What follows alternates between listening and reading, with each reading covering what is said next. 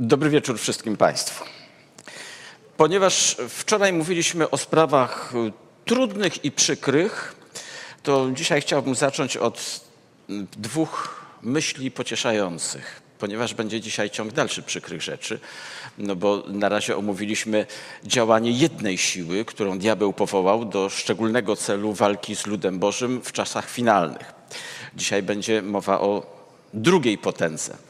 Więc y, żeby nam tak bardzo smutno nie było, to, y, to pewien fragment mm, pochodzący może najpierw z księgi z piątej Mojżeszowej, czyli z księgi powtórzonego prawa, gdzie jest powiedziane o Bogu, że znalazł swój lud w ziemi pustynnej, w bezludnym zawodzeniu pustyni.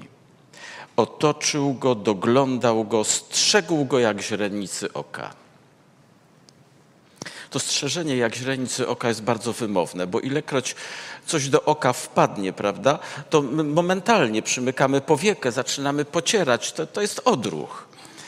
I w jeszcze jednym miejscu Bóg tak ładnie mówi o swoim zainteresowaniu ludem Bożym, nawiązując właśnie do źrenicy. Mam na myśli księgę Zachariasza, gdzie w drugim rozdziale, w drugim rozdziale znów czytamy o owej źrenicy. Kto was dotyka, dotyka źrenicy mojego oka. Dlatego choćby nie wiem jak wydawała się sytuacja trudna, beznadziejna wręcz dla ludu Bożego, to lud Boży powinien zawsze pamiętać, że jest oczkiem w głowie, jeśli tak można powiedzieć, tą źrenicą Bożą. W związku z tym nie ma mowy o tym, żeby Bóg o czymś zapomniał, coś przegapił, czegoś nie dopatrzył. Lud Boży może być spokojny. Podziękujmy Bogu za to. Łaskawy Panie. Dzięki Ci składamy za to, że jesteś prawdziwie dobrym Bogiem i nie ma drugiego takiego jak Ty. Dziękujemy Ci, Panie, że Twoja opieka zawsze czuwa nad człowiekiem, że zawsze strzeżesz i chcesz jak najlepiej. I choć wydaje nam się nierzadko, że różne sprawy są przegrane, że nie warto już się nimi zajmować, że lepiej poddać się, to wiemy, Panie, że Ty jesteś zwycięzcą i że dla Ciebie nie ma spraw przegranych. Prosimy, umocnij to przekonanie w nas dzisiaj, a to, co będziemy rozważać, niech sprawi, że nasza wiara będzie jeszcze bardziej, jeszcze bardziej wzniosła niż do tej pory. W imieniu Jezusa prosimy o to. Amen. No więc, proszę Państwa, y, temat jest określony, prawda? Mamy mówić o drugiej potędze. Wczoraj wspominaliśmy o tym zwierzęciu wychodzącym z morza, a więc z terenów bogato zaludnionych.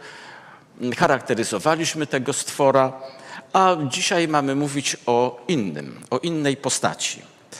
No, ta postać przypomina baranka, znaczy to konkretnie jest już baranek narysowany, chociaż może nie wzbudza specjalnej sympatii, prawda?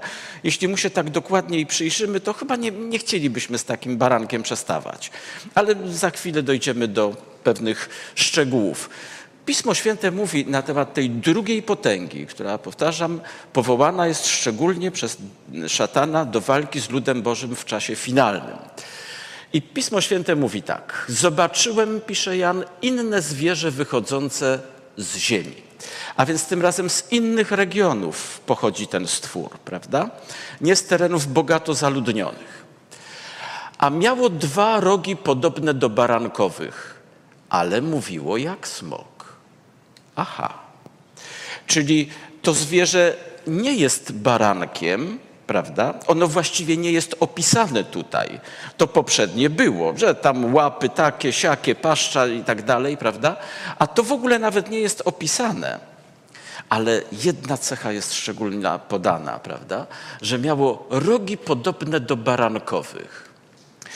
I od razu musimy tutaj e, zaznaczyć pewną kwestię. Jeśli jest mowa o zwierzęciu, to wiemy, że mówimy o siłach politycznych prawda? politycznych. Tamto zwierzę też reprezentowało siłę polityczną. Ale tutaj, jeśli mówimy o rogach podobnych do barankowych, to od razu myśl jest kierowana w którą stronę? w stronę tego prawdziwego baranka, prawda? W stronę Chrystusa. Widzimy więc, że w obrazie tego zwierzęcia mamy splot zarówno, zarówno pewnych idei politycznych, jak też i idei religijnych. Dokładnie to samo było w przypadku poprzedniego zwierzęcia, prawda? Jako zwierzę przedstawiało siłę polityczną, ale swoim wyglądem upodabniało się w sposób maksymalny do Jezusa, prawda? O tym wczoraj mówiliśmy szerzej. A więc ta druga potęga y, dokonuje podobnego zabiegu, podobnego zabiegu. I mówi jak smok.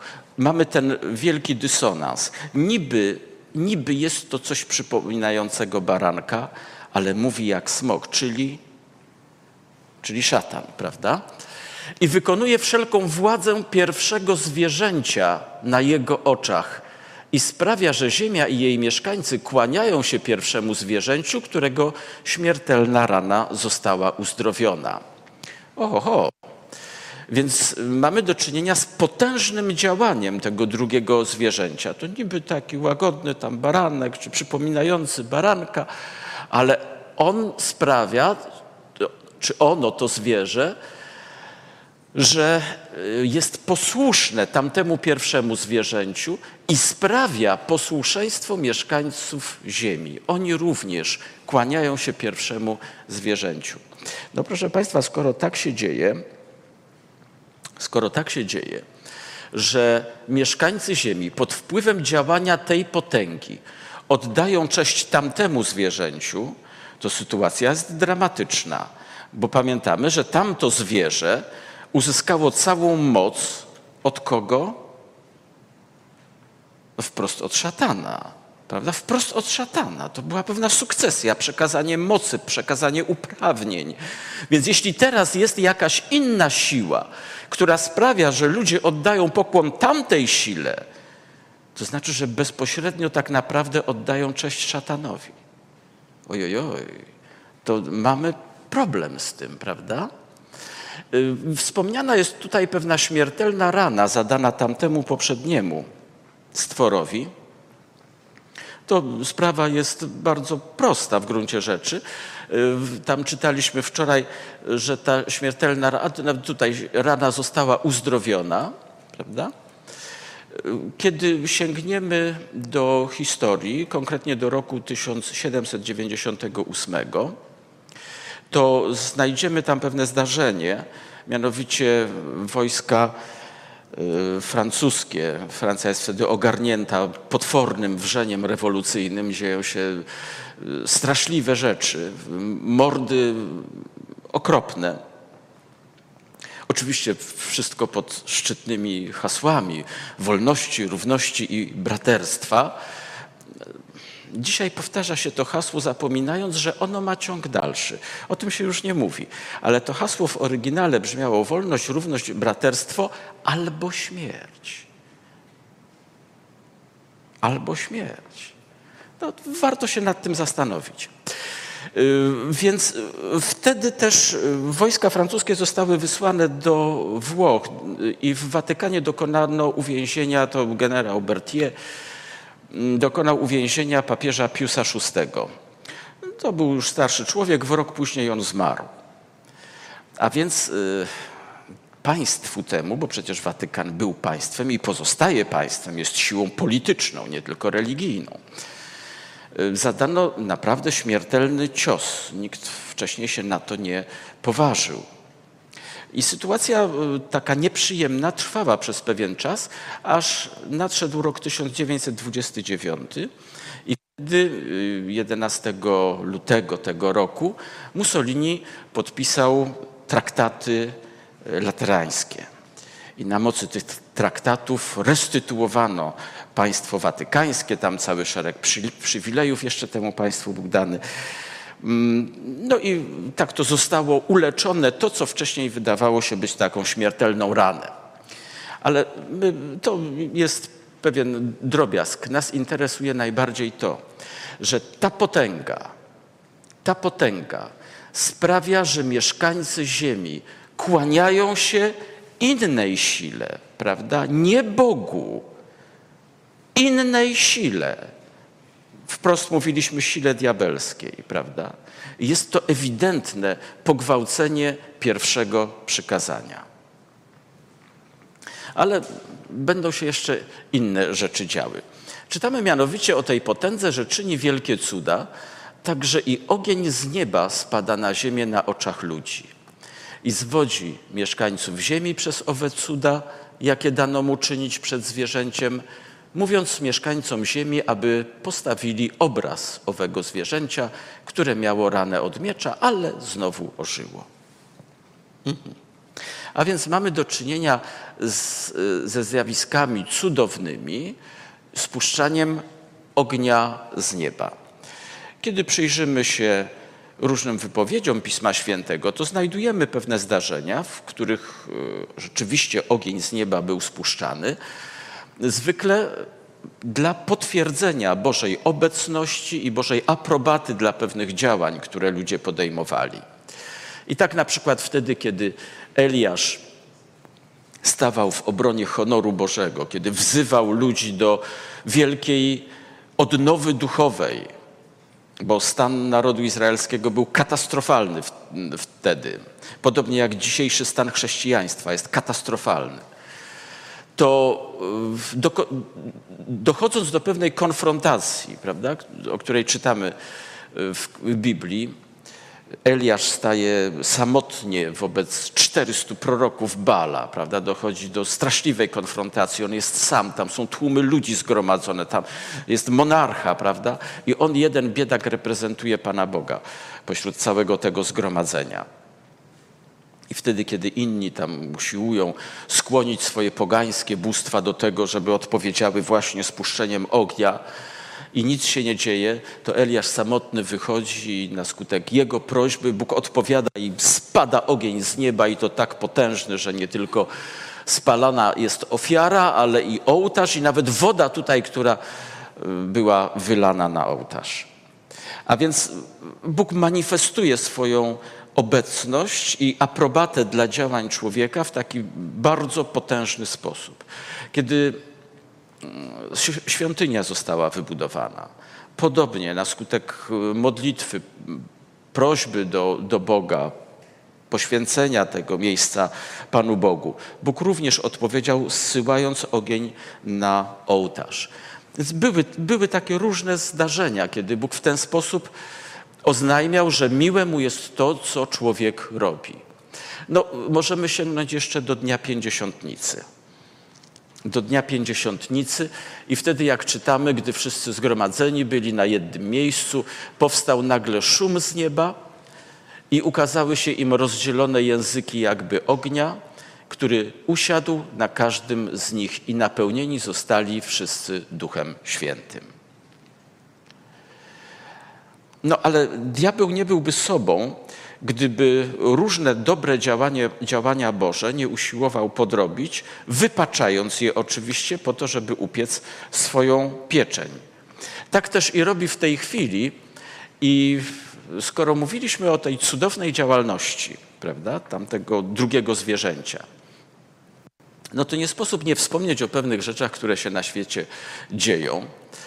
A mianowicie chciałbym kilka słów powiedzieć na temat ruchu charyzmatycznego i takiej różnej cudotwórczej działalności prowadzonej przez szereg osób. Ja wspomnę tylko o kilku. Y, pokazuję tutaj y, taką znaną postać. To jest Palestyńczyk, rodem Palestyńczyk. Y, nazywa się Benny Hinn. Bardzo popularna postać, która prowadzi no, wielotysięczne spotkania ewangelizacyjne w czasie tych spotkań oczywiście mają miejsce różnego rodzaju nadzwyczajne zjawiska, e, przede wszystkim uzdrowienia. uzdrowienia. Można w internecie znaleźć obszerny materiał dotyczący tego, co ten człowiek robi. Są filmy pokazujące, jak wyglądają te spotkania. One są wielogodzinne. E, gromadzą tysiące ludzi. Tysiące, także na, czasem na wielkich stadionach, wielkich halach odbywają się no i dzieją się różne, różne dziwne rzeczy. A tu widzimy nawet spotkanie tego człowieka z papieżem Janem Pawłem II. A robi na przykład takie rzeczy. No, Nie wiem, jak wam się podoba, ale, ale takie, takie robi też. Ale y, tamto to jest margines. Najbardziej zdumiewające są te kwestie, które pokazywane są, czy to na scenie, czy na widowni, jak y, ten pan potrafi machnąć ręką i cała sala, cały chór na przykład pada momentalnie. Co ciekawe, wszyscy padają na wznak. Albo wystarczy, że machnie marynarką i pół sali leży pokotem. To nie znaczy, że są nieżywi. Nie, oni się tam dźwigają potem, ale na przykład dostają drgawek, muszą być dźwigani, yy, bełkoczą. Różne, różne rzeczy się dzieją. Naturalnie wszyscy przypisują to, znaczy wszyscy tamci ludzie przypisują to działanie Duchowi Świętemu. Natomiast kiedy przypatrzeć się temu, jak Bóg działa w Piśmie Świętym, to tam nie czytamy ani o takim padaniu na wznak, ani o drgawkach, ani o jakichś y, nadzwyczajnych chichotach. Ludzie czasem dostają takiego spazmatycznego śmiechu. Nie, takie, takie rzeczy się nie dzieją. Wręcz przeciwnie, kiedy Chrystus uzdrawiał, to ludziom ustępowały takie objawy, a nie napadały ich. Więc trochę to jest dziwne, prawda? Ale oczywiście ten człowiek powołuje się na Pana Boga jak najbardziej. Zresztą e, ci wszyscy z tamtej orientacji charyzmatycznej na ogół mają bardzo proste przekazy i oni potrafią na przykład mm, na bazie jednego tekstu, jednej wypowiedzi mówić przez 15 minut, stale to powtarzając. Staje, staje się tekst biblijny swoistego rodzaju mantrą wtedy, prawda? Swoistego rodzaju mantrą. Na przykład weźmie taki tekst. Nie ma żadnego potępienia dla tych, którzy są w Chrystusie. I pyta salę, czego nie ma? Potępienia. Czego potępienia? Powtórzcie, czego potępienia, prawda? Jakiego? Żadnego. Jakiego? Żadnego. I to tak idzie, idzie, prawda? No, każdego można ogłupić w ten sposób. Każdego. I po to to jest między innymi robione.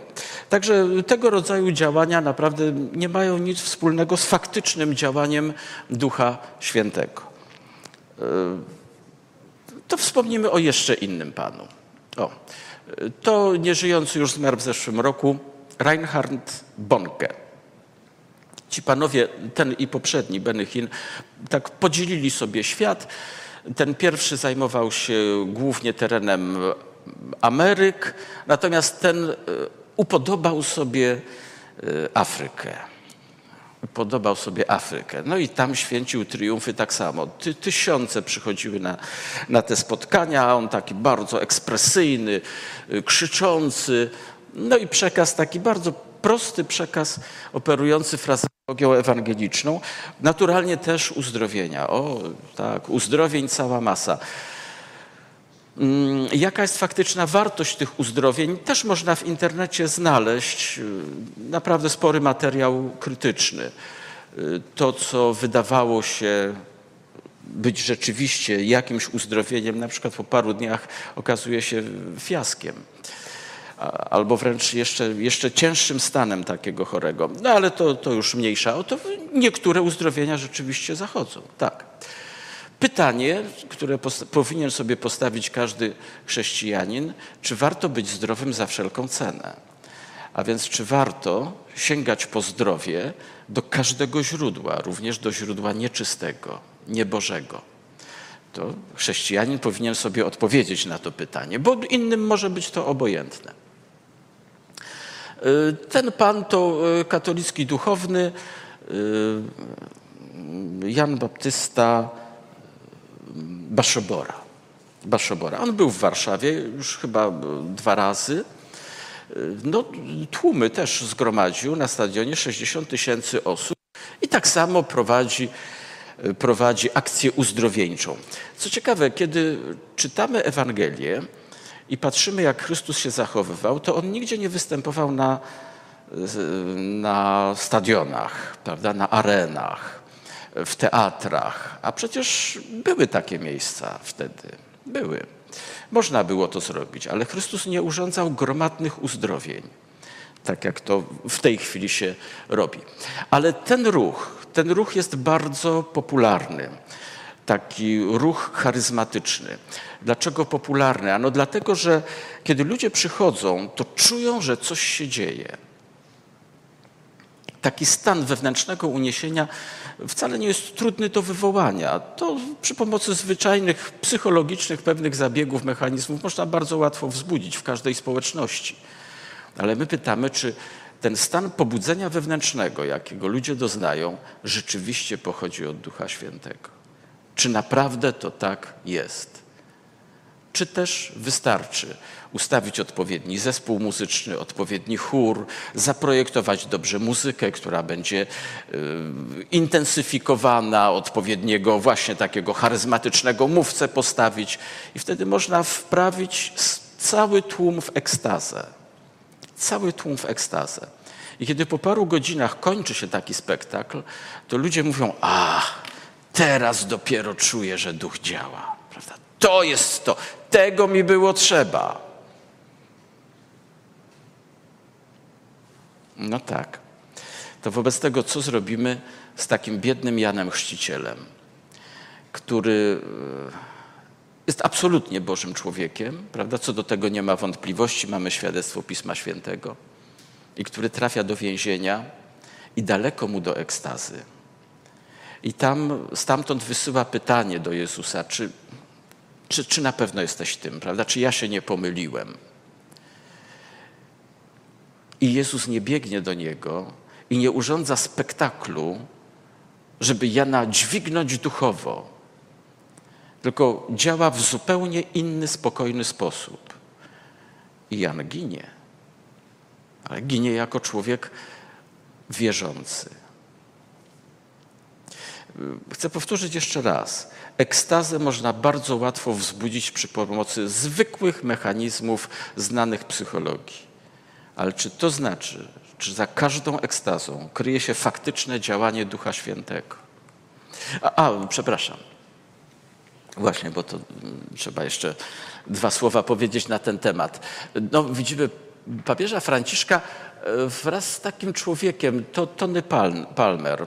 On już mm, też nie żyje od sześciu lat, ale to był człowiek, który był osobistym przyjacielem papieża i doprowadził do, hmm, doprowadził do swoistego rodzaju konsensusu, pojednania wręcz pomiędzy środowiskami charyzmatycznymi a środowiskiem katolickim. Był wielkim zwolennikiem takiego właśnie pojednania. Nawet y, film jest w internecie, nagrany przez niego telefonem, wtedy, kiedy papież kieruje przesłanie do pewnego kongresu charyzmatyków, y, który odbywał się wtedy, i to przesłanie zostało tam od razu wyświetlone.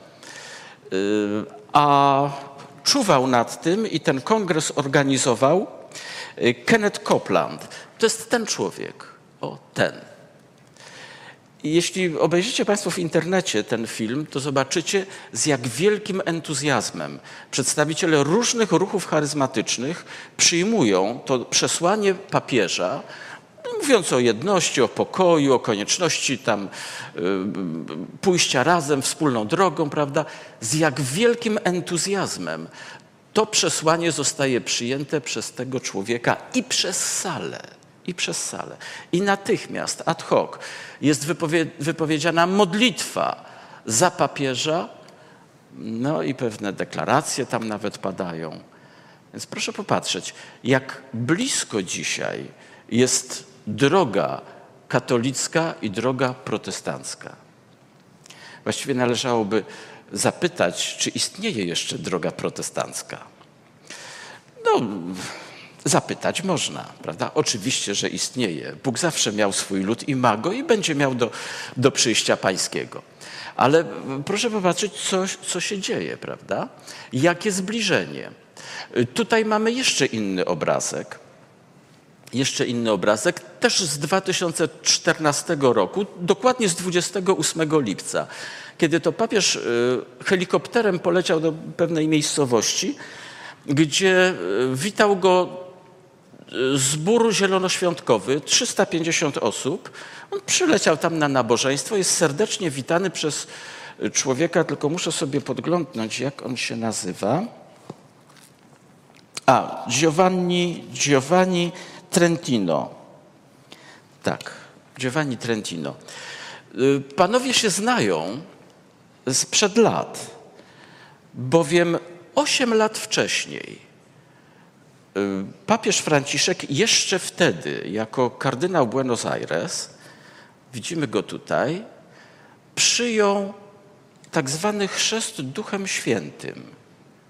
Chrzest Duchem Świętym z rąk, z rąk przedstawicieli Kościoła Zielonoświątkowego, wśród których był właśnie tamten człowiek, który go potem witał, o ten tutaj.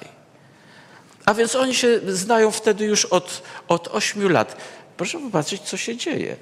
To kardynał Kościoła katolickiego przyjmuje chrzest Duchem Świętym z rąk protestantów. Nawiasem mówiąc, to zdarzenie wywołało wielki ferment w e, środowiskach e, ortodoksyjnych, katolickich, no ale to nie będziemy się więcej tym zajmować. Chodzi o zaznaczenie, że cały ruch charyzmatyczny, który wywodził się pierwotnie z protestantyzmu, prawda? No już nie, nie będziemy tam sięgać do Biblii, ale teraz, w, nam, w naszych czasach współczesnych, wywodził się z protestantyzmu, znalazł również dobre zakorzenienie w środowisku katolickim. I jest to pewien element silnie spajający obydwa te środowiska. My czytamy, że dane mu zostało dać ducha obrazowi zwierzęcia. Y, temu właśnie stworowi, prawda? Dane mu zostało dać ducha obrazowi zwierzęcia, aby też mówił obraz zwierzęcia i sprawił, aby ci, którzy nie pokłonią się obrazowi zwierzęcia, zostali zabici. O. Sytuacja staje się coraz trudniejsza, prawda?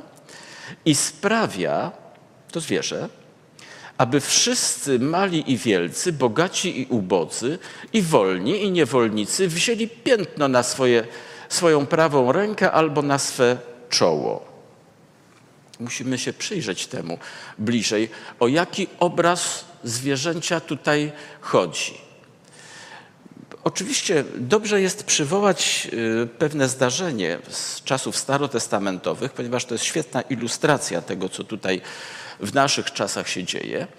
A sięgam do księgi Daniela do trzeciego rozdziału, kiedy to król, no tam z pewnych sobie wiadomych względów, zdecydował się urządzić pewien happening i na pustyni ustanow, ustawił złoty posąg, a potem wezwał przedstawicieli wszystkich prowincji i powiedział, a teraz wszyscy oddadzą tu publicznie hołd temu posągowi. Nie, będziemy wchodzić w szczegóły w tej chwili.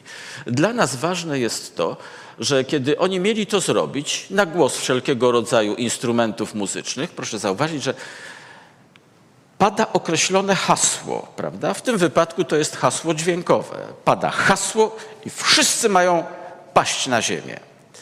No, hasło padło, ale takie trzy osoby zostały zostały nie upadły. Okazało się, że to jest trzech młodych Żydów, nawiasem mówiąc świetnie wykształconych, y, mających wspaniałe perspektywy na karierę w państwie babilońskim, no ale oni nie zgodzili się oddać pokłonu posągowi.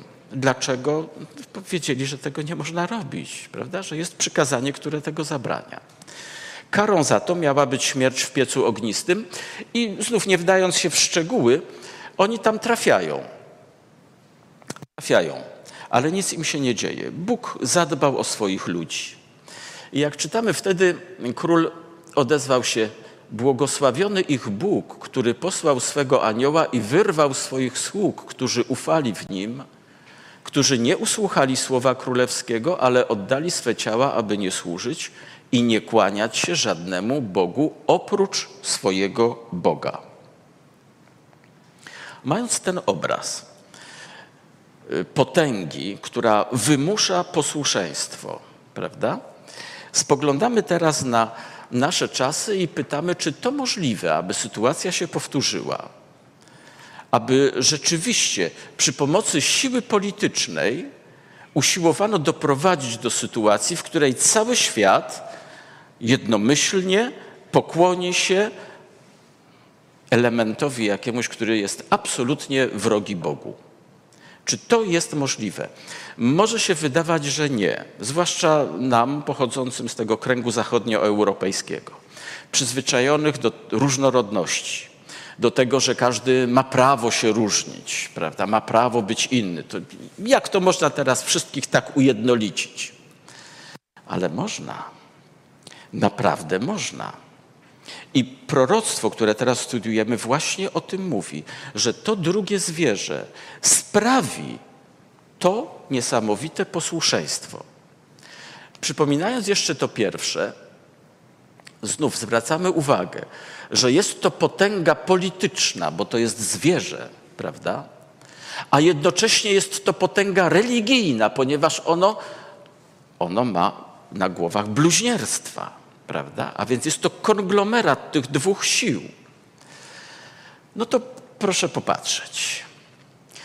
To jest fragment artykułu z Time'a z roku 92, gdzie czytamy, że podczas tego spotkania Reagan i papież uzgodnili, że podejmą się tajnej kampanii w celu przyspieszenia upadku imperium komunistycznego.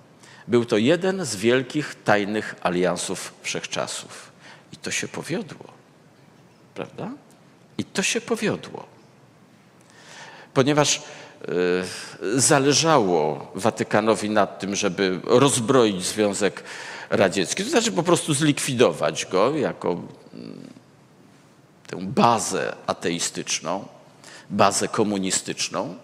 Więc sięgnięto do zasobów, również zasobów finansowych, bo nie tylko, y, podstawowego mocarstwa na świecie, prawda? a więc Stanów Zjednoczonych. I ten alians prawda, spowodował, że mm, państwo, które wydawało się nie do ruszenia, przecież y, nam, ja mówię o takich osobach w moim wieku, przez lata wmawiano, że istnieje na świecie równowaga pomiędzy jednym i drugim blokiem, komunistycznym i kapitalistycznym. Jeśli ktokolwiek by naruszył tę równowagę, to mamy wojnę atomową i Ziemia się rozwala w pył. I myśmy w takiej atmosferze wyrastali. A tu się nagle okazało, że można to zrobić no, nieomal jak za dotknięciem różdżki czarodziejskiej.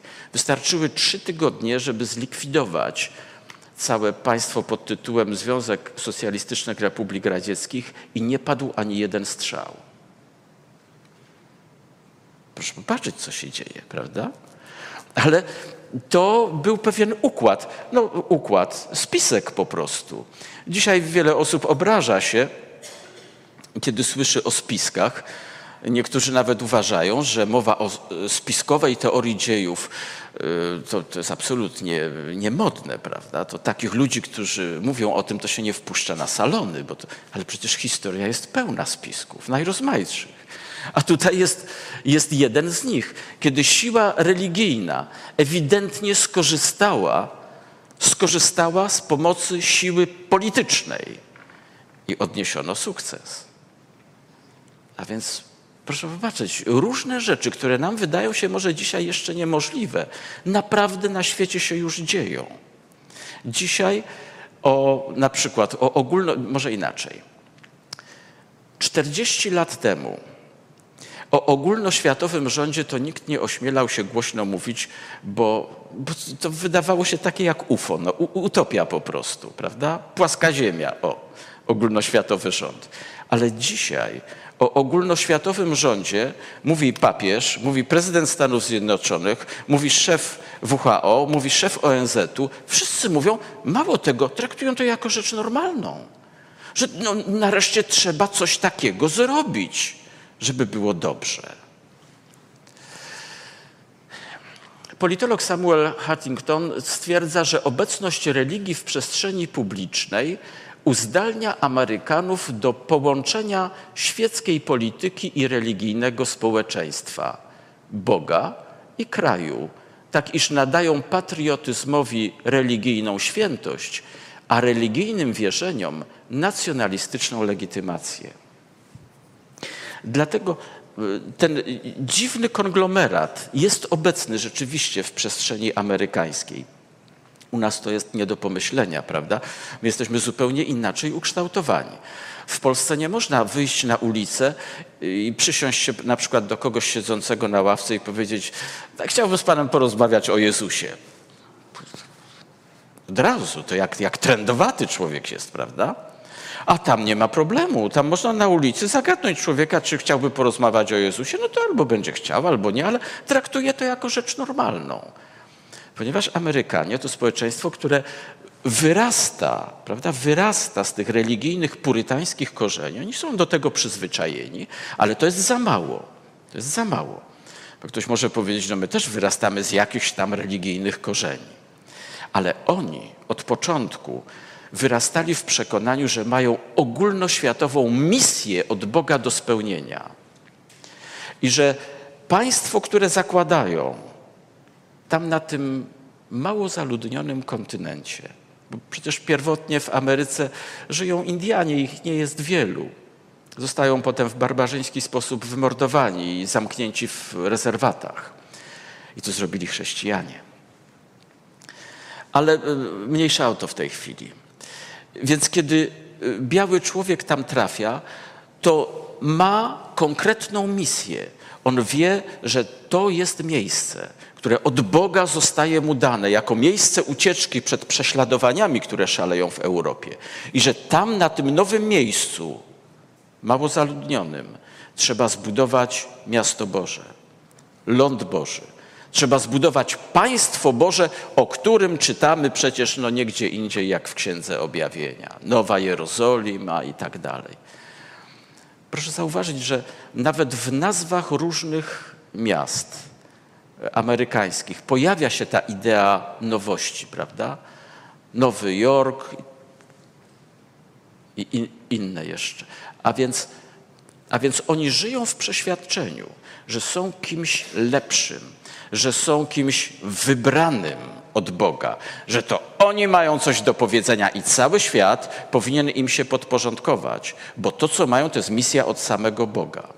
Oczywiście bierze się to z fałszywej interpretacji proroctw biblijnych, bo to, co Bóg powiedział, że On zrobi, że On założy, to ludzie powiedzieli: Dobra, Panie Boże, my wiemy, jak to ma być, to my już to zrobimy.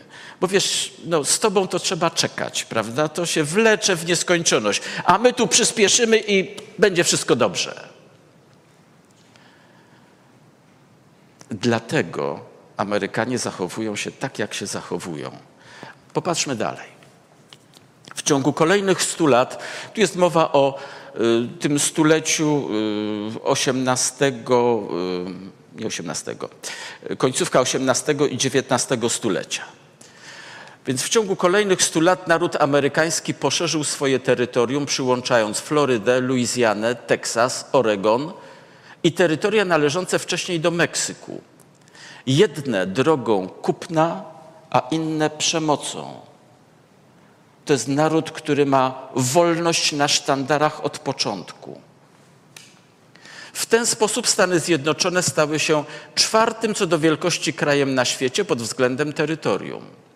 To dążenie do ekspansji opierało się na wierze w wyraźne przeznaczenie idei, według której naród amerykański jako nowy Izrael ma rozrosnąć się jako wielka dziedzina wolności zaplanowana przez samego Boga. Czyli tak, zrobimy wszystkim wolność, zrobimy wszystkim dobrze, niezależnie od tego, czy chcą, czy nie chcą. Kto chce, to wygrał, kto nie chce, to. To samo robili komuniści potem, prawda? Ja nie chcę powiedzieć, że Ameryka poszła drogą komunizmu. To to, to nie w ten sposób, ale pewne idee, prawda? Pewne idee są wspólne. Dlaczego? Dlatego, że jak człowiek odchodzi od Boga, jak człowiek odchodzi od Boga, to diabeł go zawsze wyprowadzi na manowce. Świat patrzy na historię i mówi: tu Stalin, tu Hitler. Hitler B, bo wojna i mordował. Stalin cacy, bo nas wyzwolił jak jest naprawdę. Dwóch bandytów, prawda? Dwóch bandytów. Więc jeśli patrzymy do tekstu biblijnego, to widzimy to prawdziwe Boże spojrzenie na rzeczywistość. I wtedy się okazuje, że to, co takie cacy, to nie, niekoniecznie takie cacy jest. To weźmy jeszcze jedną wypowiedź.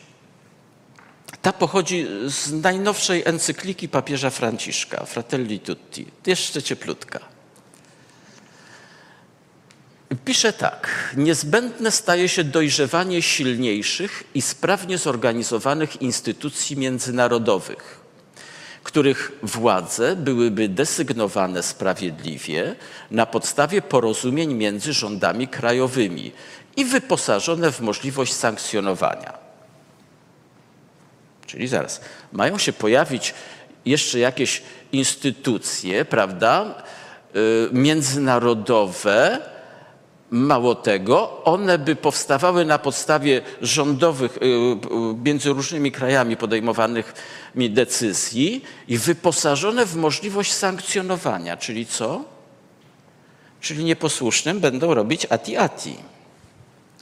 Kiedy mówimy o możliwości istnienia jakiejś formy globalnego autorytetu regulowanego przez prawo, globalnego autorytetu, Niekoniecznie należy myśleć o autorytecie osobowym.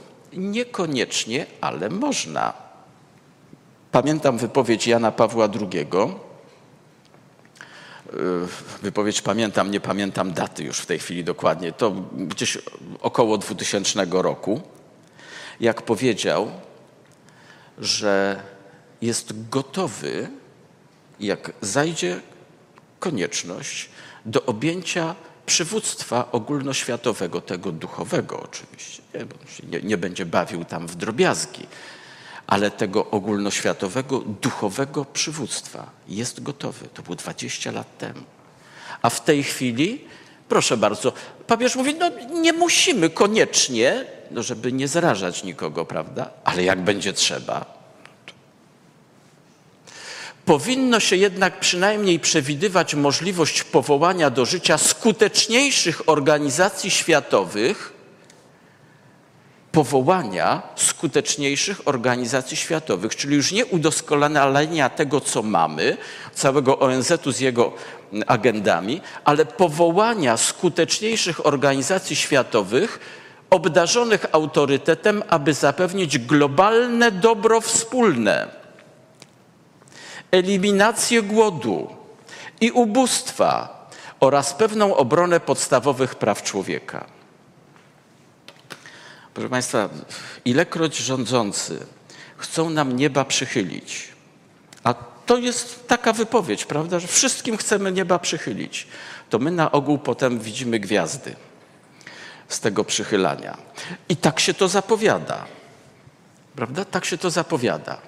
Te skuteczniejsze organizacje światowe, cóż to jest innego, jak nie e, łagodniejsza nazwa ogólnoświatowego rządu. I do tego dojdzie.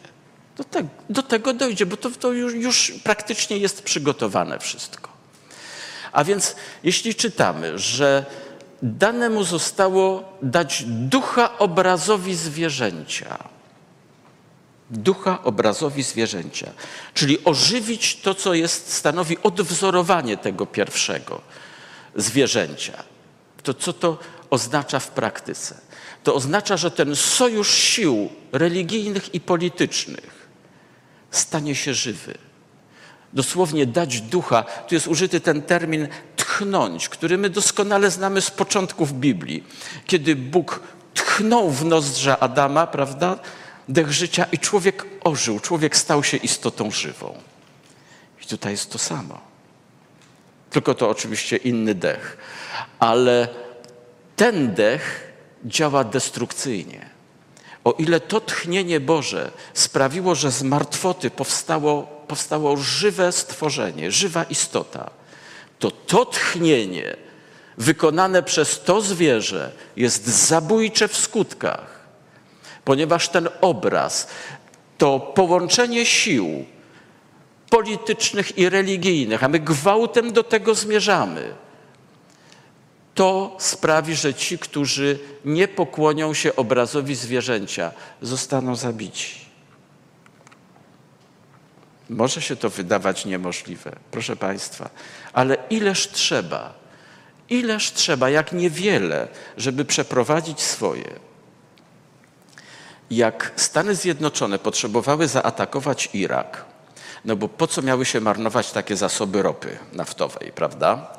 Dlaczego inni mieli z tego korzystać? Jak potrzebowali zaatakować Irak, to zostało ogłoszone co? Że w Iraku jest tajna broń, prawda? Atomowa, że jest broń biologiczna.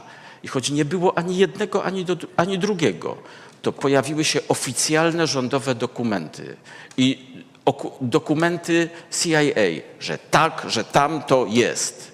No i zmontowano koalicję, prawda? Absolutne barbarzyństwo. Nikt nie miał prawa atakować tego kraju. Proszę Państwa, jeśli się chce, to wszystko można zrobić, naprawdę. Dzisiaj, kiedy są tak wielkie możliwości techniczne jeszcze, prawda, techniczne, to z każdego można zrobić największego łotra na świecie. Nie tylko dlatego, że jest Photoshop, prawda, ale z innych powodów też. Ale chodźmy dalej, bo tutaj mamy do czynienia z pogwałceniem ewidentnym drugiego przykazania, prawda, kiedy ludzie oddają pokłon obrazowi. Jeszcze raz przypominając zwierzę z poprzedniego wykładu, musimy od razu stwierdzić, że tutaj mamy do czynienia z pogwałceniem trzeciego przykazania, mówiącego o tym, że nie wolno ubliżać imieniowi Bożemu. A wczoraj mówiliśmy, że to zwierzę bluźni również imieniu Bożemu, prawda? A więc mamy do czynienia z pogwałceniem trzeciego przykazania. Popatrzmy, te dwa zwierzaki no, depczą w sposób barbarzyński pierwszą tablicę. Prawda? Czyli tą, która w obrębie tych czterech pierwszych przykazań mówi o tym, jak powinna wyglądać miłość Boża, czy miłość do Boga. Y, cóż czytamy jeszcze? To zwierzę sprawia, aby wszyscy mali i wielcy, bogaci i ubocy, wolni i niewolnicy wzięli piętno na swoją prawą rękę albo na swe czoło i aby nikt nie mógł kupować ani sprzedawać, tylko ten, który ma piętno albo imię zwierzęcia, albo liczbę jego imienia. Oho, to tu już jakiś galimatias się robi, ale postaramy się to uporządkować. Zacznijmy od tego piętna. Cóż to jest to piętno? piętno to, to wiemy, to jest pewne oznakowanie, prawda? O, zwierzęta się czasem znaczy, tam wypala się określone znaki. To jest, to jest piętno, to jest znak, znak przynależności. Od razu musimy powiedzieć, że Bóg ma też pewien znak, który jego lud przyjmuje. A jakiż to znak? Ano, otwieramy list do Efezjan, a tam czytamy – zostaliście zapieczętowani obiecanym Duchem Świętym. O proszę. Drugi fragment. Nie zasmucajcie Ducha Świętego Bożego, którym jesteście zapieczętowani na dzień odkupienia. A więc co jest Bożą pieczęcią? Duch Święty, oczywiście. Ja wiem, że część adwentystów jest teraz zmartwiona, ale nie, wytrzymajcie chwileczkę. Co to znaczy, że człowiek jest zapieczętowany Duchem Świętym. No, jeśli mowa jest o przynależności, prawda, że to oznacza pewną przynależność, to oznacza w praktyce, że po pierwsze ten człowiek na skutek działania Ducha Świętego przyjrzał się sobie w perspektywie dekalogu, czyli w świetle dekalogu, prawda, i zobaczył, że jaki jest, no taki jak ta pani, prawda? Upaprana, może nie widać dokładnie, ale jest umaziana, prawda? I jak człowiek przejrzy się w dekalogu pod wpływem Ducha Świętego, to zrozumie, że jest straszliwym grzesznikiem. I to jest pierwszy dobry krok do zbawienia. A potem zaraz Duch Święty prowadzi takiego grzesznika pod krzyż i mówi: Słuchaj, nie martw się, grzeszniku, bo tu jest ratunek dla ciebie bo tu jest prawdziwe oczyszczenie. Dlatego Jezus umierał na krzyżu, żebyś ty mógł zostać z tego wszystkiego oczyszczony. Wierzysz w to?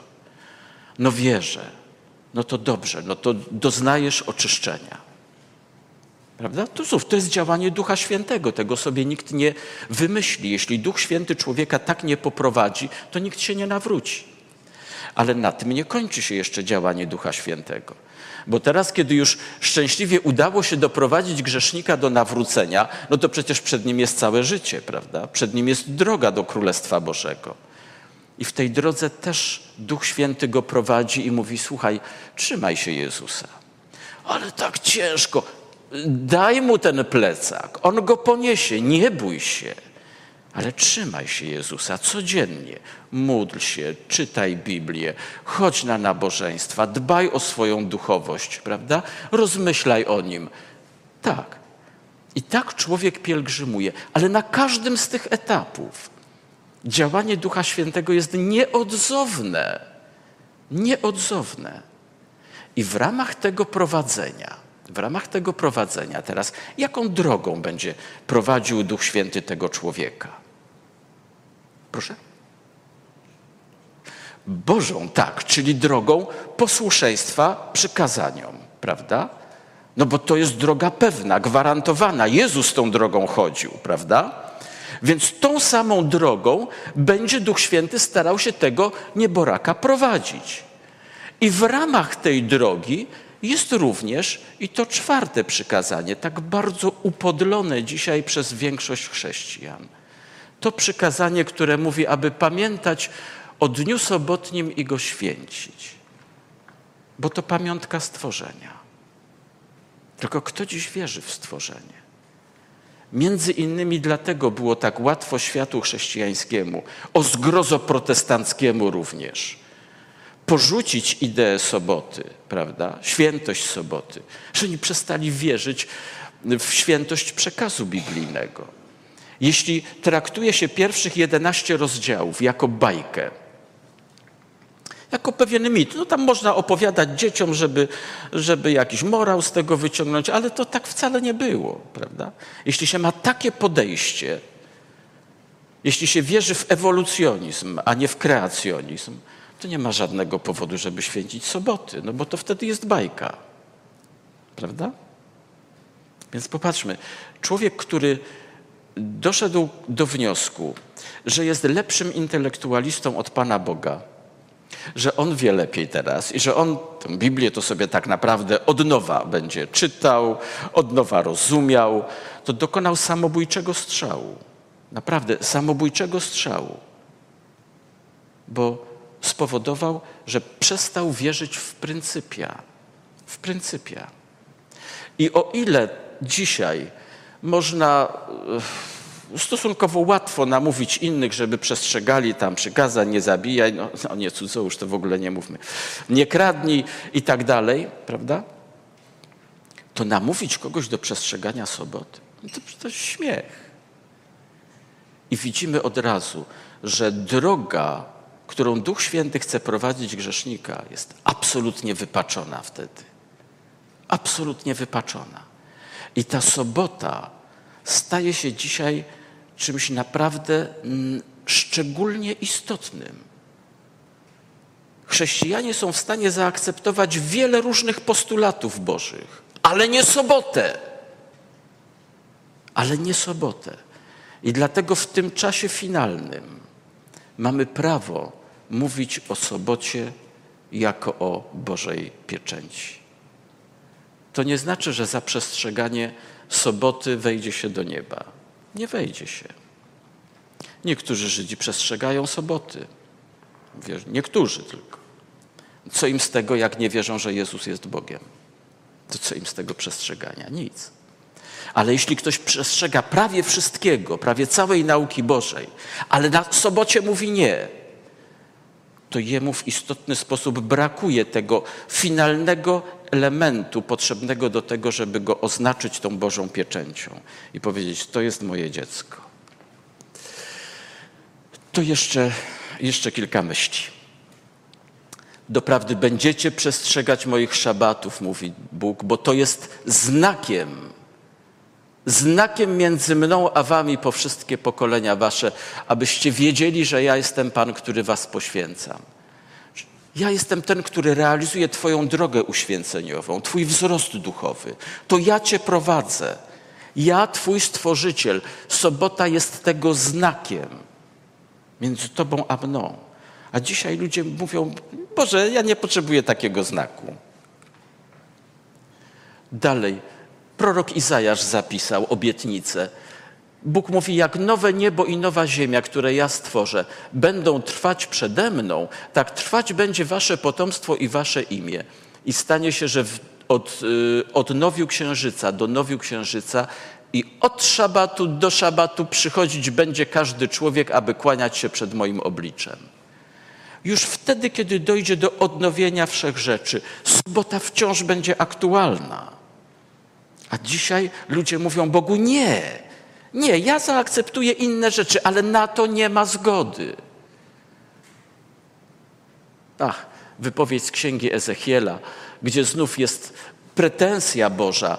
Pogardzasz moimi świętymi rzeczami i bezcześcisz moje sabaty, szabaty to zostaje pomieszczone wśród innych grzechów znieważanie ojca matki, wyrządzanie krzywdy przychodniowi, ucisk sieroty, a więc sprawy szalenie istotne, jakże często dzisiaj podnoszone, prawda?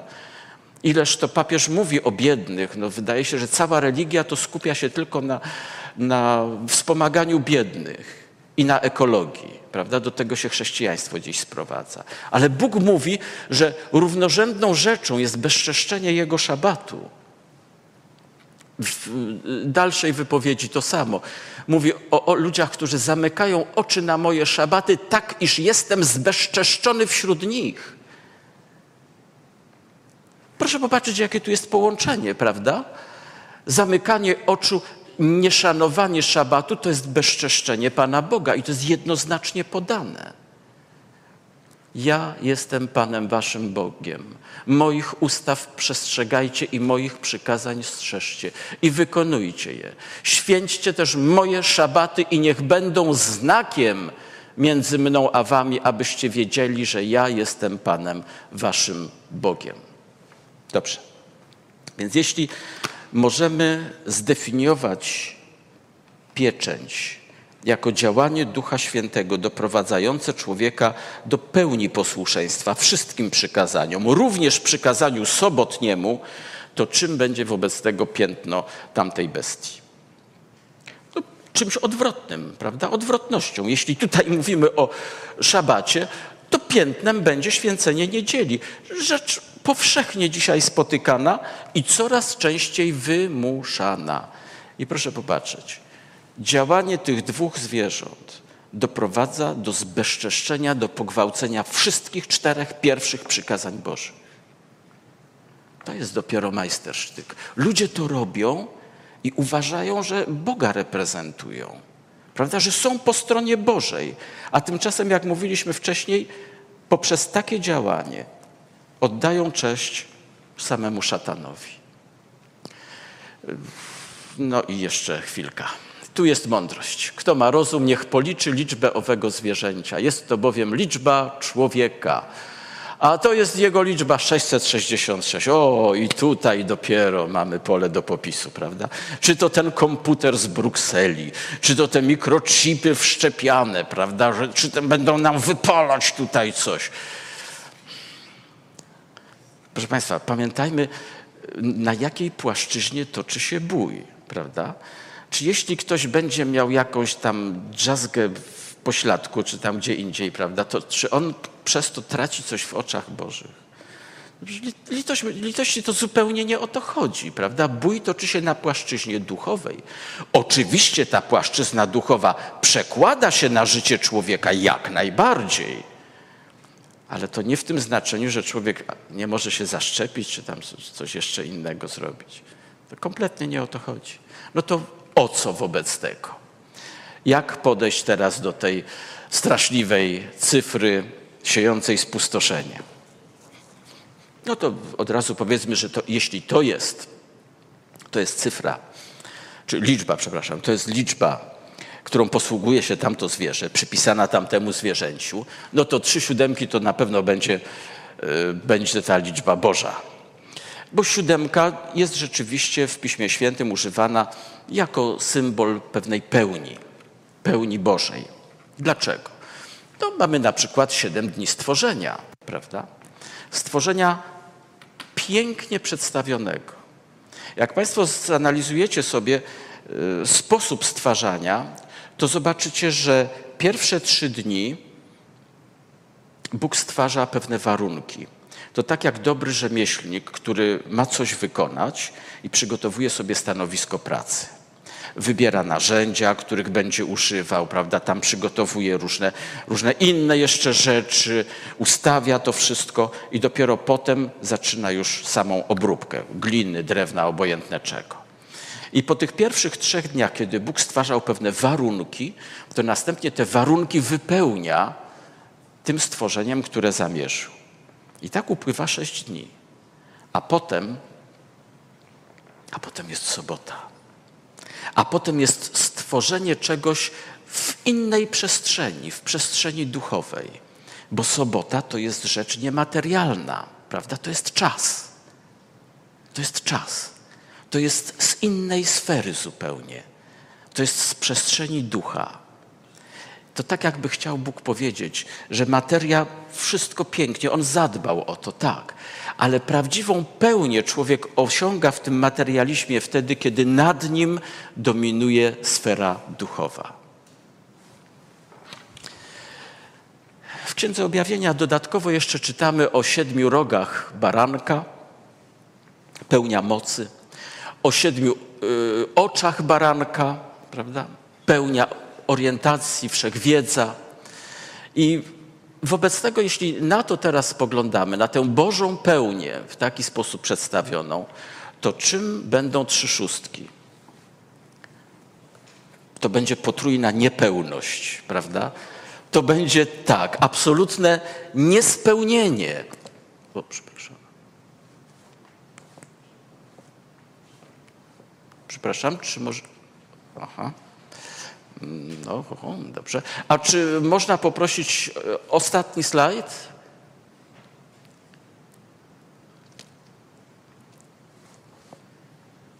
Ostatni, czy można? Bo jeśli nie, to przeklikam. Świetnie, dziękuję. Yy, bardzo dobrze. A więc potrójne niespełnienie, prawda? Człowiek stworzył system, którym on wydaje się być pseudostwórcą, bo czymżeż jest teoria ewolucji, jak nie wyrugowaniem Boga ze stanowiska stworzyciela, prawda? Człowiek mówi, z materii to wszystko powstało, prawda? To materia sama eksplodowała i się ułożyło. Czymżeż jest innym to potrójne niespełnienie, jak nie ustanowieniem ludzkiego Zbawiciela, ludzkich pośredników, ludzkiego standardu moralnego. My będziemy swojego dekalogu przestrzegać, prawda? I my sami sobie to zbawienie zagwarantujemy. I my stworzymy pewien ideał, pewien wzorzec prawdziwego zachowania ludzkiego. My stworzymy ludzkość po swojemu, na sposób humanistyczny, a nie Twój Boże.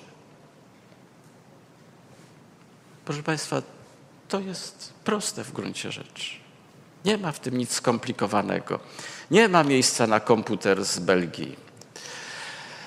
Dlatego, czego możemy się spodziewać w najbliższej przyszłości, analizując ten no, trudny, ale wart analizy 13 rozdział Księgi Objawienia? Możemy się spodziewać dalszego zacieśniania więzi polityki z religią. To będzie postępowało. Obie strony zyskują na tym. Obie. Możemy spodziewać się centralizacji ogólnoświatowej władzy. To się już dzieje, proszę Państwa, w różnych przestrzeniach. W różnych przestrzeniach. W gospodarce tak samo. Proszę zauważyć, że mniejsze podmioty gospodarcze są eliminowane z rynku, że y, likwidacji ulega cała warstwa średnia My jako ludzkość globalnie podlegamy pauperyzacji. Jest wąska grupa bogatych i coraz większa grupa biedoty, taka, która tylko przeżywa z miesiąca na miesiąc. Możemy się spodziewać coraz częstszego występowania zjawisk nadzwyczajnych, tych, które elektryzują, no i stopniowego wymuszania święcenia niedzieli. Ale czy my mamy się tym przejmować? Absolutnie nie. To nam Bóg mówi tylko dlatego, żebyśmy nie byli zaskoczeni. I żebyśmy, gdy pewne rzeczy zaczną bardzo doskwierać, pamiętamy i my, pamiętali, że wciąż jesteśmy źrenicą Jego oka. I chwała Mu za to. Boże łaskawy. Bądź uwielbiony za Twoją miłość, którą cieszymy się każdego dnia i pragniemy cieszyć się do końca. Bądź uwielbiony za to, że szczerze, otwarcie mówisz nam o pewnych trudnościach, przed którymi stoimy. Ale też i Panie, bądź uwielbiony za to, że udzielasz gwarancji, iż przez te wszystkie trudności potrafisz nas szczęśliwie przeprowadzić. Daj więc nam pokój w duszę i spraw, abyśmy nie podlegli żadnym wahaniom, ale abyśmy, będąc zapatrzeni w Ciebie, szli do tej wspaniałej krainy, którą nam zapewniłeś i w której chcesz nas mieć. Dziękujemy Ci za Twoje pragnienie i za Twoją moc w imieniu Jezusa.